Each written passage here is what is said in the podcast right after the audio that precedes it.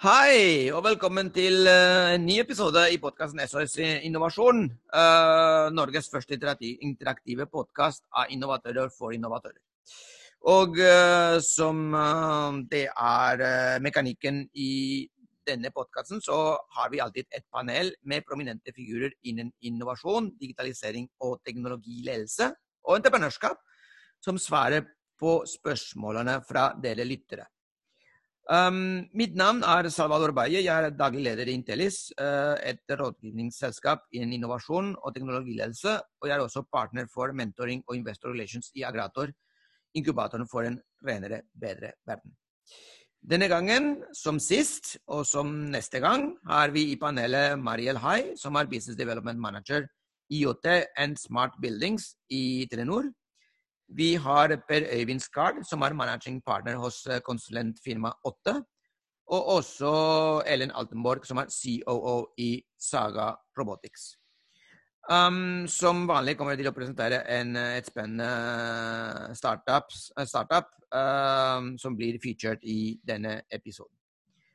Um, de, de, to spørsmålene som vi kommer til å Eh, behandle i denne episoden, er, eh, er det lurt å få utviklerhus inn i selskapet som eiere. Utviklerhus her er ment som programmerer programmeringshus, rett og slett, eh, for IT. Og det andre spørsmålet er har vi altfor lite fokus på innovasjon i infrastruktur. Og det kan være bredbånd, det kan være veier, det kan være alt som går på å øke innovasjon i det som er en, en ekstremt viktig del av samfunnet vårt. Og i så fall, hvordan kan vi øke det? Um, jeg vil uh, minne uh, lyttere om at uh, dere kan subscribe på, på denne podkasten på Spotify, også på Apple Podcast. Og dere kan også følge salvadorbaye.com, min blogg om innovasjon og teknologiledelse, der dere kan bli oppdatert om um, refleksjoner og analyser som jeg produserer der.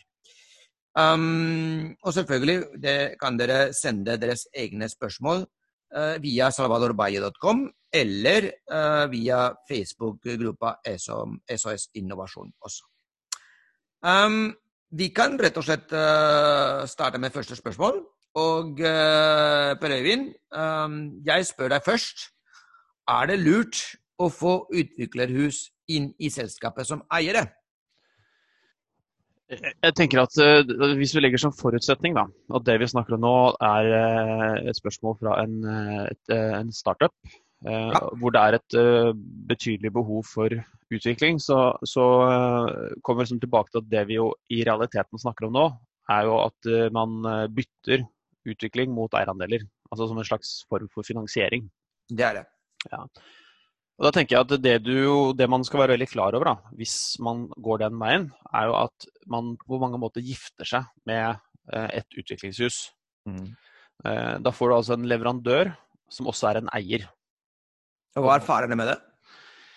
det faren med det er at du f.eks. begynner å få vanskeligheter med å konkurranseutsette. Eh, hvis du ikke er fornøyd med leverandøren, hva gjør du da? Eh, du har det, Plutselig sitter eier 30% eller 40% av selskapet ditt, og så leverer de ikke i henhold til det de har lovet. Um, og Du blir veldig ofte låst til dem og deres prioriteringer. Og Hvis du snur det fra leverandørens side, da, så er det sånn ok, kanskje er de kjempetrua på dette prosjektet, uh, og de tilfeldigvis har ledig kapasitet akkurat der og da. Men så får de et nytt prosjekt som gir cash på bunnlinja til, hos den leverandøren, utviklerhuset. Og da begynner det å bli spørsmålet ikke sant? Klarer de faktisk å prioritere å levere den utviklingskraften og ressursene som denne startupen da trenger, i henhold til milepælsplaner osv. Så, videre. så eh, jeg vil jo si at eh, jeg syns ikke det i utgangspunktet er lurt å gifte seg med en, eller få en leverandør som, eh, som eier, men det kan være Eh, det som blir eh, løsningen, for man finner ikke den kapitalen man trenger for å jobbe videre. Det er klart, sånn, I et sånt setting så, så, velger man jo selvfølgelig det, men i utgangspunktet så vil jeg lett etter andre løsninger, se om du kan finne eh, finansiering for å stå fritt på leverandørvalg fremover også. Mariell, hva er din take? Min take, eh, Jeg er i utgangspunktet ganske enig med Per Øyvind. Eh, jeg ville ha tenkt meg veldig nøye om før man eh, går til det steget. Der det kan være en åpning i positiv forstand, vil jo være hvis man er veldig kommersielt sterk selv på eiersiden. Og du mangler sårt en type kompetanse eller et ledd for å få dette ut i livet. Så kan det være lurt, men da i ryddige og ordentlige former. Um, og selvfølgelig også at et utviklerhus er på en måte også beslekta til din core business og det du skal gjøre. Um, men det er uh, litt unknown territory, det der. Så jeg tror du skal tenke deg nøye om før du, før du går i gang med det. Og jeg tror også du skal uh, sørge for å beholde stor grad av majoriteten selv så lenge som overhodet mulig. Men det var interessant det du sa. Altså, fordi det du egentlig, hvis, jeg hørte, hørte deg riktig, er at um, det, noe, som kan være, noe som kan være positivt, er at uh, hvis den, uh, den, nye eieren, denne, denne, dette utviklerhuset, um, kan bidra med mer enn bare utvikling. Altså hvis de kan Correct. Uh, bidra med, med, veier til markedet, hvis de kan bidra med å åpne, åpne for nye partnere, hvis uh, egentlig det, det, du, det, du, sier at hvis, hvis jeg skjønner det riktig, er riktig, da, at hvis, hvis, de kan ha med en value added som gjør at uh, de på en måte uh, erstatter uh, en del andre viktige Altså komplementerer en, en, del andre Eller supplerer en del andre viktige mål med selskapet enn bare, en, bare programmering. Nemlig. Uh, hvis man har med seg en, eh, et salgsteam man kan benytte, hvis man har med seg gode økonomiske ressurser man kan høste frukter av, eh, hvis det som du sier, du har en konkret økt verdi ved å få det inn på eiersiden utover et spesifikt ønske eller problem, eh, så syns jeg det er fornuftig å ta det opp til vurdering. Men hvis det er snakk om å få en teknisk leveranse på en utviklingsjobb, så syns jeg i utgangspunktet det er for snevert til å slippe det inn på, på eiersiden. Um, takk, Mariell. Um Ellen, hva har dere gjort uh, dere på Saga Robotics? Uh, dere har utviklet alt selv. Har dere hatt noen, noen partnere? Noen part har, har, hva syns du om denne problemstillingen? Var det en problemstilling hos dere? Jeg har ikke noen konkret erfaring med å ha utviklerhus på eiersida sjøl. Jeg vil jo tenke fort at et utviklerhus som vil gå inn på den modellen, og ikke få cash på jobben de gjør, men eierandel i et høyrisikoselskap, sitter antagelig i hvert fall Det er fristende å tenke at de sitter sånn til at de er litt desperate, de også. Ok. Eh, og da kan folk liksom pass, pass, litt på her, da. ja. ser du på den andre siden. Men på den andre siden har jeg sett noen utviklere som har det som modell. At de ser at det er en fin vei, at de kanskje har et mer bevisst forhold til hvordan kontrakten da skal utformes, sånn at de ikke blir sittende i alle disse jeg tenker ganske åpenbare problemene du må komme. Ja, okay. Eh, I Saga så har vi ikke gjort noe av det vi har utvikla alt selv, og så har vi jobba tett samarbeid med universiteter. Oh, ja. offentlig finansierte prosjekter, hvor du har et skille av hvem som utvikler hva, hvem som eier hva etterpå. Så, men uh, det var et godt tips, da. Uh, fordi det betyr kanskje at uh, uh, istedenfor å prøve å få gratis utvikling fra kommersielle aktører, kanskje kan det være en, en måte å tenke på å ta kontakt med en, et universitetsmiljø. Ja. Uh, og, få, og, få, dyktige studenter til å, til å jobbe um, på prosjekter sammen med den, den startupen f.eks., som, kom, som gir verdi? Ja, Det kommer litt an på hva slags oppgave du har. Hvis det er liksom en sånn veldefinert oppgave, så er ikke et universitet satt opp for å levere det.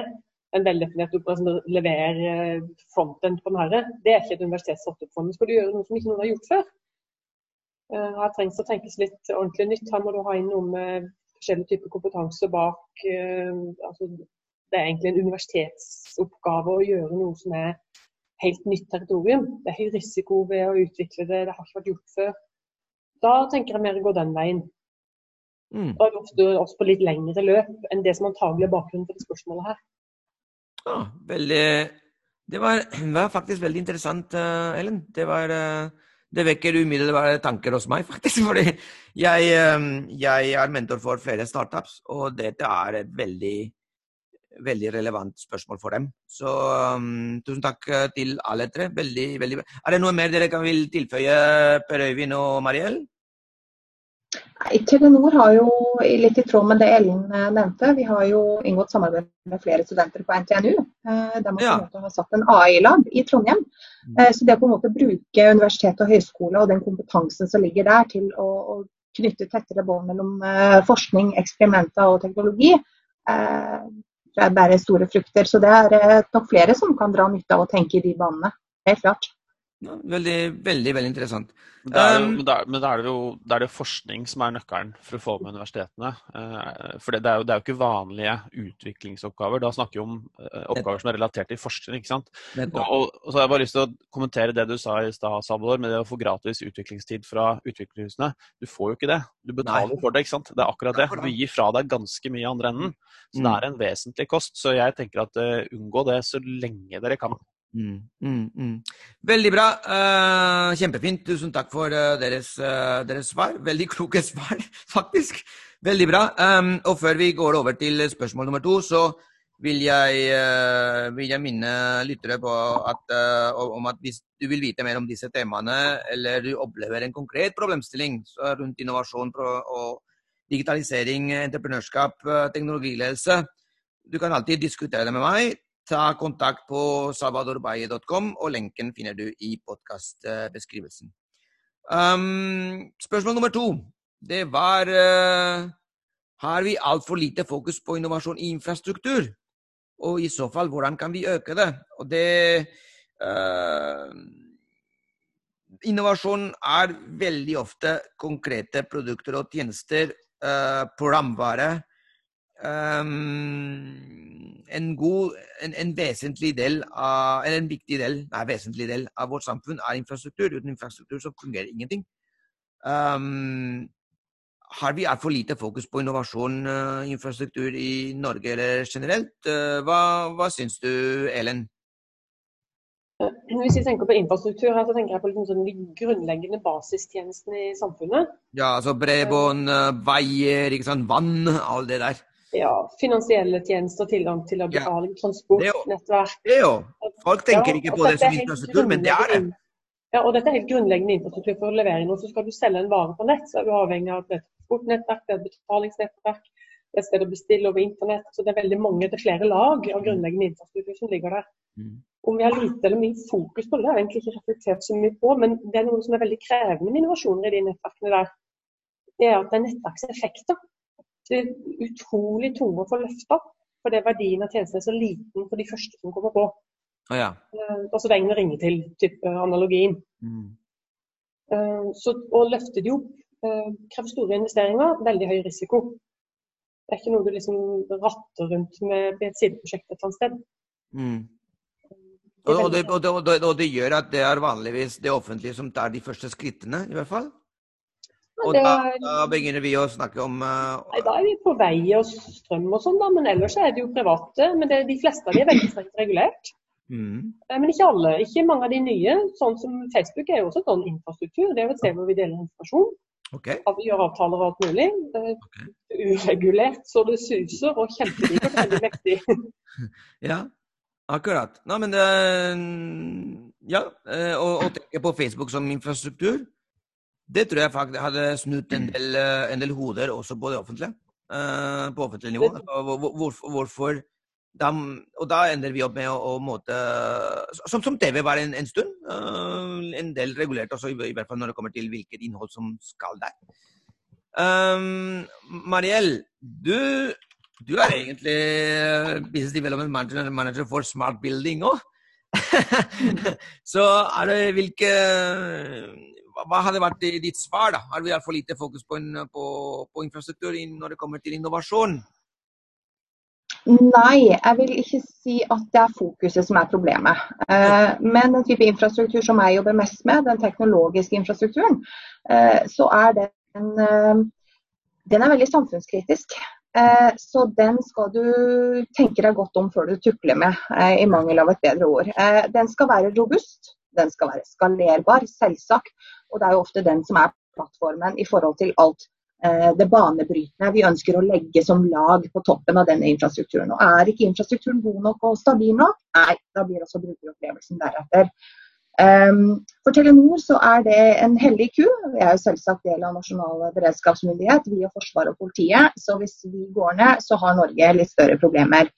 Uh, så den skal behandles med andakt. Men på en annen side av infrastruktur så ser man jo i forhold til 5G-satsingen, man ser i forhold til Internet of Things, så ser man at spesielt mange byer som kjører Smart City, ønsker å kjøre strøm, vannmåling, eh, trafikklysgenerering, bruke en annen type infrastruktur eh, for å på en måte effektivisere og drive innovasjon gjennom det.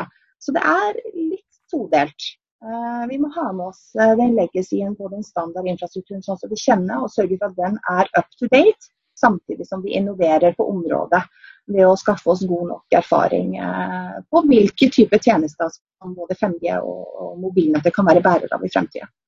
Men, men, men, i de tilfellene i de tilfellene det er altså, innovasjon går litt saktere.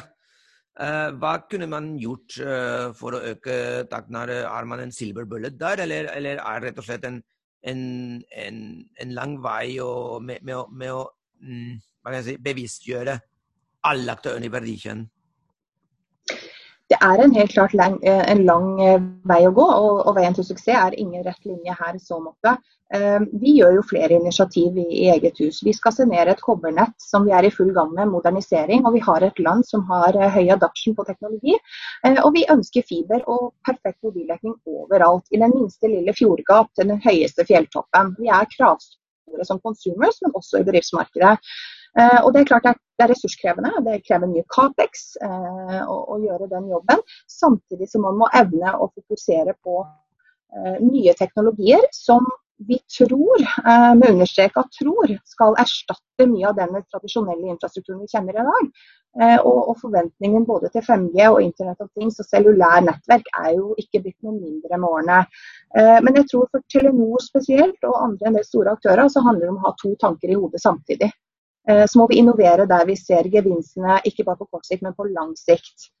Eh, mm. Så det er et komplekst, eh, komplekst, landskap å navigere seg rundt i. Mm. Øyvind, hva, hva, er din take der? Du har jobbet, du, du, har også veldig god erfaring med, med infrastruktur, og, og, i hvert fall når det kommer til fiber. Ja da. Um, jeg, jeg, tror det er viktig at vi, at vi på en måte sorterer kortet litt når det gjelder infrastruktur. For um, hvis vi snakker om fokus på innovasjon i infrastruktur, så tenker jeg at vi må skille mellom det som er infrastruktur, altså fiberkabler og veier og den basistekniske infrastrukturen som driver landet. Og så tror jeg kanskje like mye, og der er vi faktisk blant verdens beste. Altså Vi har de raskeste mobilnettene, vi har nå verdens beste mobildekning. Så infrastrukturen vår er egentlig veldig god. Den er i verdensklasse. Det stemmer. Eh, og det, og det, skal jo bl.a. Telenor og Altibox og uh, mange andre Telia, mange andre selskaper, Ice osv. ha mye av æren for at vi har den infrastrukturen som, som vi har i dag. Og den er knallgod. Um, og myndighetene har jo også jobbet ganske aktivt med å, uh, å legge til rette for, via ulike insentiver, uh, for videre utbygging på fiber ut til også ikke-kommersielt lønnsomme områder. Så her føler jeg at her, her, er det gjort en veldig god jobb, og så er det fortsatt mye som skal gjøres. Eh, men der jeg tror vi kan bli kanskje enda bedre, er jo på innovasjon på toppen av den infrastrukturen som vi har i dag. Og Ellen var innom eh, DNB og hele betalingsøkosystemet, som selvfølgelig er en, som er en del av vår finansielle infrastruktur.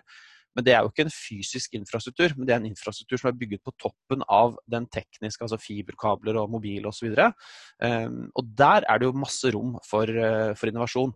Så jeg tror, den, jeg tror, kanskje spørsmålet like mye dreier seg om hvordan kan vi ha fokus på bedre innovasjon på toppen av den infrastrukturen som faktisk er der, og den er knallgod.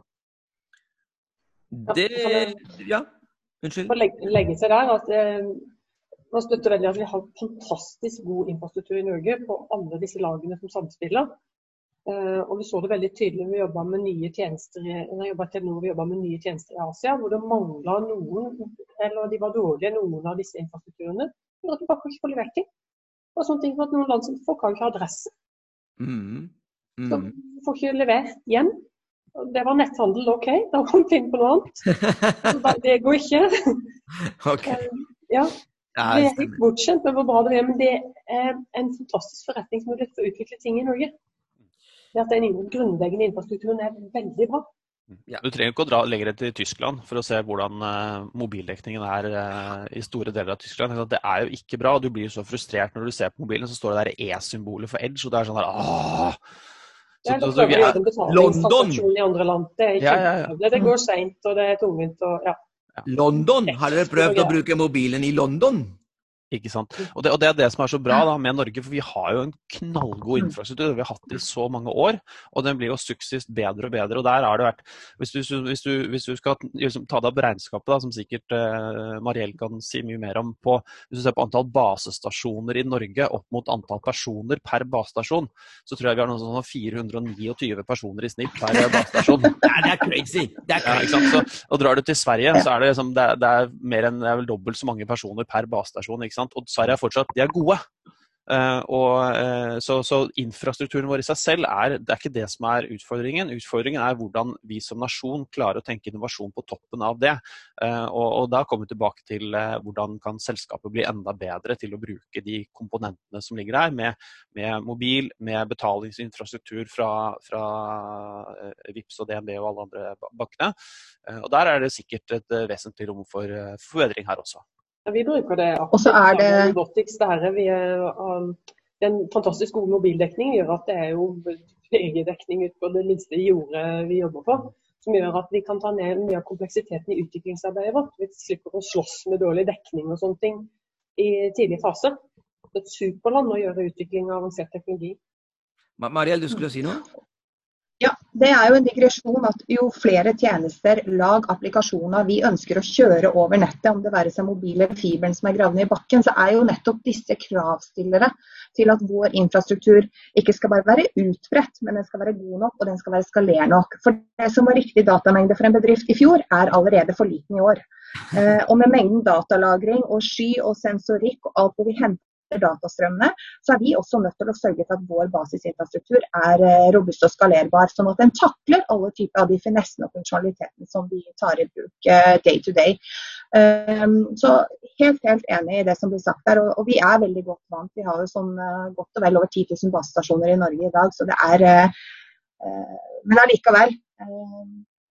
jobben er ikke over. There's more jobs to be done. ok. Tusen takk, uh, tusen takk uh, Mariel, og tusen takk til uh, dere i panelet. Um, I neste episode svarer, kommer til å svare altså det samme panelet, siste episode med dette panelet, faktisk, på følgende spørsmål. Hva kan man gjøre for å øke generell forredningsforståelse hos startups? Og ikke bare tenke på å redde verden, koste hva det koste vil. Um, og hvordan å unngå flaskehalser i en travel hverdag. Um, og når man også må uh, tenke å planlegge for vekst i de første fasene i en startup. Er det outsourcing, er det ansettelse, er det internships som egentlig er uh, svaret, eller kanskje en blanding av alle tre. Um, husk å abonnere, å abonnere på salvadorbay.com, min blogg, og på, disse, på, på podkasten SOS Innovasjon uh, på Apple Podkast og på Spotify. Da går det ikke glipp av uh, interessante episoder som, som, denne. Og nå er det tid for dagens, eller episodens, spennende startup. Hei, og da er vi her med dagens featured uh, startup, Leid. Med Andreas Bokholm og Tommy Tellefsen, som er uh, grunnere i selskapet. Um, hei, gutter. Hallo, hallo. Hallo, hallo. Hei, der er dere. dere. Um, vet dere hva? Jeg har veldig lyst til at uh, dere forteller lytterne litt om hva Leid er. Og så, som jeg pleier å gjøre, så er det stage is yours. Etter det så kan dere gjøre akkurat som dere vil. Det setter vi pris på. Tusen takk, Salvador, for at vi fikk lov til å være med på eh, podkasten din. My pleasure. Det regner jeg med. ja, altså vi Så hva er det vi Vi kommer fra Leid, og det er et uh, konsept, uh, utvikla en løsning som disrupterer hvordan du får tak i det utstyret du trenger for å ta vare på hjemmet ditt. Du mener dekorasjon og interiør og Ja Nei, ikke helt. det, er, det her er snakk om på en måte eh, det verktøyet, utstyret du trenger for å ta vare på hjemmet ditt. Altså typ tepperenser for å, når du skal rense sofaen din eller teppet ditt, eller, eller liften når du for av en eller annen grunn har lyst til å vaske eller male huset ditt. Eller, altså det du trenger for å ta vare på hjemmet. Så løvblåser, kvistkvern. Altså lista er uendelig lang. Uh, stillas også, for eksempel. Jeg har en, en, en, et vindu som jeg må bytte. Uh, stillas også. Det stemmer. Det, men det vinduet ditt er ganske høyt oppe. ja, ja, jeg skjønner det.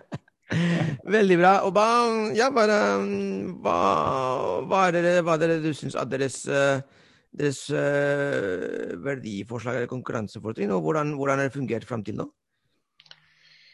Nei, altså Fram til nå så har vi eh, levert løsningen vår til eh, i overkant av 1500 kunder. Så hvis du spør oss om hvordan det har gått, så må vi si at dette her er virkelig noe som markedet ønsker seg. Mm. Og tilbakemeldingene fra kundene er eh, overveldende. Ja, så bra. Eh, vi har bl.a. gjennomført en undersøkelse ja, en kundeundersøkelse eh, hvor, vi, hvor, vi, spurte utvalget vårt av kunder på et tidspunkt. Eh, fikk tilbakesvar fra mer enn en tredjedel av alle e-poster sendt ut. Og den NPS-scoren vår på kundeundersøkelsen vår, den tilsvarer eller ga oss et tall på 82. Så på et av spørsmålene hvor vi spør kundene vil du anbefale leid til en venn, så får vi et tilbakesvar på 9,42 av 10 mulige. Så jeg vil jo påstå si at eh, jeg tror du skjønner, har, Dere skjønner, dette er fantasitall! Det er helt sykt. Ja, det, var en, det er en av de beste dagene eh, vi har hatt. det var veldig, ja, veldig moro. Så det, hva er det som ligger bak der? Altså, tanken er jo at uh, det å kjøpe utstyr du bruker sjelden, det er verken smart eller bærekraftig. Uh, det kan vi alle være enige om. Mm. Um, og på toppen så er det sånn at hvis du får tak i utstyr som gjør at du sparer tid og føler deg bra, så er ikke det noe bakdel, det heller. Nettopp. Uh, men du spurte hva er det som skiller oss fra konkurrentene våre. Ja, hvis dere har direkte konkurrenter. Uh... Ja, vi har absolutt konkurrenter. En av konkurrentene er jo ikke gjør det i det hele tatt. Uh, det prosjektet som du tenker på. Men, men vi, har, vi, har, kategorisert i fem ulike kategorikonkurrenter. Men vi skal ikke gå gjennom dem akkurat nå. Men det som skiller oss, da, er at vi, vi automatiserer ut leieprosessen, sånn at du kan du bestiller på nett, du henter når det passer deg fra en av våre pick-up points, så er det du som kunde som bestemmer når det passer. Du må ikke forholde deg til åpningstida til eh, Maxbo eller når du skal leie utstyr. da. Så dere, dere har bringt digitaliseringsalderen til noe så enkelt som å, å leie utstyr til å gjøre noe hjemme? Stemmer. Ja, veldig bra. Veldig gøy. Du er jo inne på et nytt punkt. at Vi er jo den eneste som leverer et uh, one stop shop til det segmentet, altså til huseier. Uh, Fram til nå så er det ikke det vært sett på som et uh, lønnsomt marked, fordi at uh, huseieren Det er ikke noen som har satt det i systemene. da, så at Men når du samler alt det en huseier kan bruke for å ta vare på hjemmet sitt, så, så har vi funnet lønnsomhet. Jeg må ikke si det til noen, men vi har funnet lønnsomhet i et nytt segment. Kjempebra. Hva, hva syns dere var tippingpoeng? Altså, dere har sikkert gått Jeg kjenner dere fra før, så jeg vet at dere har gått uh, gjennom en tørkeperiode en gang, uh, som alle gründere må gå gjennom, fordi ellers så Ellers hva? Men hva, hva syns dere har vært Hva var tipping point for dere, hvor dere sa ja, nå, det er derfor vi kommer til å lykkes. Ja, det er jo Så vi brukte jo litt tid for å grave ned i dataen og finne ut av egentlig hvem kundene våre var. Mm -hmm. Så vi begynte jo med en modell hvor vi tenker at uh, proffkunder, håndverkere som trengte utstyr, at de var A-kundene våre. Uh, men etter at vi gikk over til en digital kundereise, så endra kundebasen seg helt dramatisk. Fra å være 60% proff og 40% privat, så gikk vi over til å ha 90% privatkunder. Og da eksploderte det? Da eksploderte det. Så um, hva er eh, moralen i historien? At uh, dette, med, dette, med å, dette, med å, bruke data til å gjøre bedre business ut av dem, det fungerer? Det fungerer. Så må det nevnes at uh, vi har jo hatt deg som uh, mentor. Det er ikke noen hemmelighet, det? Nei, det er ingen hemmelighet. det er ingen hemmelighet. vi har hatt deg som mentor i i tre kvartal, nærmere et år. Og det har vært ufattelig Og det å, det å, jobbe sammen med en mentor som knar forretningskonseptet sammen med deg, eh, med en viss porsjon tålmodighet fra mentorens side. Ja. ja, fra begge sider, da. fra begge sider, ok, vi kan si det sånn. Jeg stilte mange spørsmål. det, det, har vært veldig nyttig for oss. da. Men her, hva er veien fremover for deg nå? Fordi dere har fått, uh, dere, dere, har fått en viss investering. Uh, så nå er det, hva er det sky's the limit, eller hva, hva er veien fremover? Nei, altså I forhold til investeringer så kan vi ikke gå akkurat uh, per nå ut med akkurat hvem det er. Men, men, men, det stemmer det at vi har fått på plass investering. Så nå handler det om å fortsette å knytte til seg de, de, unike menneskene som har det som skal til for å bringe det her helt Ja, så langt det kan. Og dette er et internasjonalt konsept? Det er et internasjonalt konsept. Så vi først og fremst nå driver vi og tester ut sånn at vi kan utvikle en turnkey operation. Sånn at eh, vi kan skalere i den hastigheten som vi setter. Og da er det, da er det internasjonal satsing som er neste på agendaen. Jeg har bare et, et, siste spørsmål til dere. Hvis dere vil anbefale noe til, eh, til en eh, startup som starter nå, en gründer som starter nå, hva hadde vært uh, deres uh, ja, deres gylden uh, råd? Har lyst til å drive med det du driver med. Ja, det, er, det er på en måte Det ligger, bør absolutt ligge i bunnen. At du har en lidenskap for det du holder på med. Også at du begynner med kunden.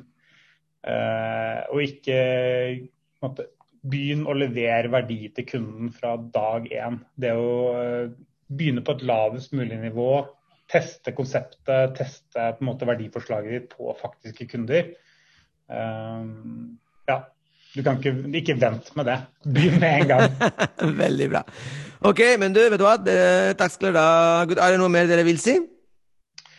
Hvis det er noen som eh, er der ute som eh, fortsatt ikke har funnet seg en startup som de har uh, lyst til å jobbe i, så er det bare å ta kontakt. Vi ser nå etter uh, digitale markedsførere. Vi ser etter uh, vi ser generelt etter smarte hoder. Eh, vi er ute etter mangfold og de som har lidenskap for å jobbe i startup og utvikle noe unikt for kunden. Perfekt. Og, eh, og jeg kommer til å inkludere lenken i, på sosiale medier, og også på, på Podbean og på, ja, på Apple Podkast og på um, Spotify.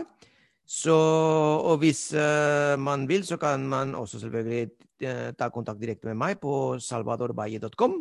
Og da kommer jeg til å videresende deres uh, interesse til Leid. Så gutter, tusen takk for at dere var med denne gangen. Og uh, lykke til videre. Dere trenger ikke det, men uh, lykke til videre. Dette blir kjempespennende. Tusen takk, Salvador. Okay. Ha det. Ha det. Ha det.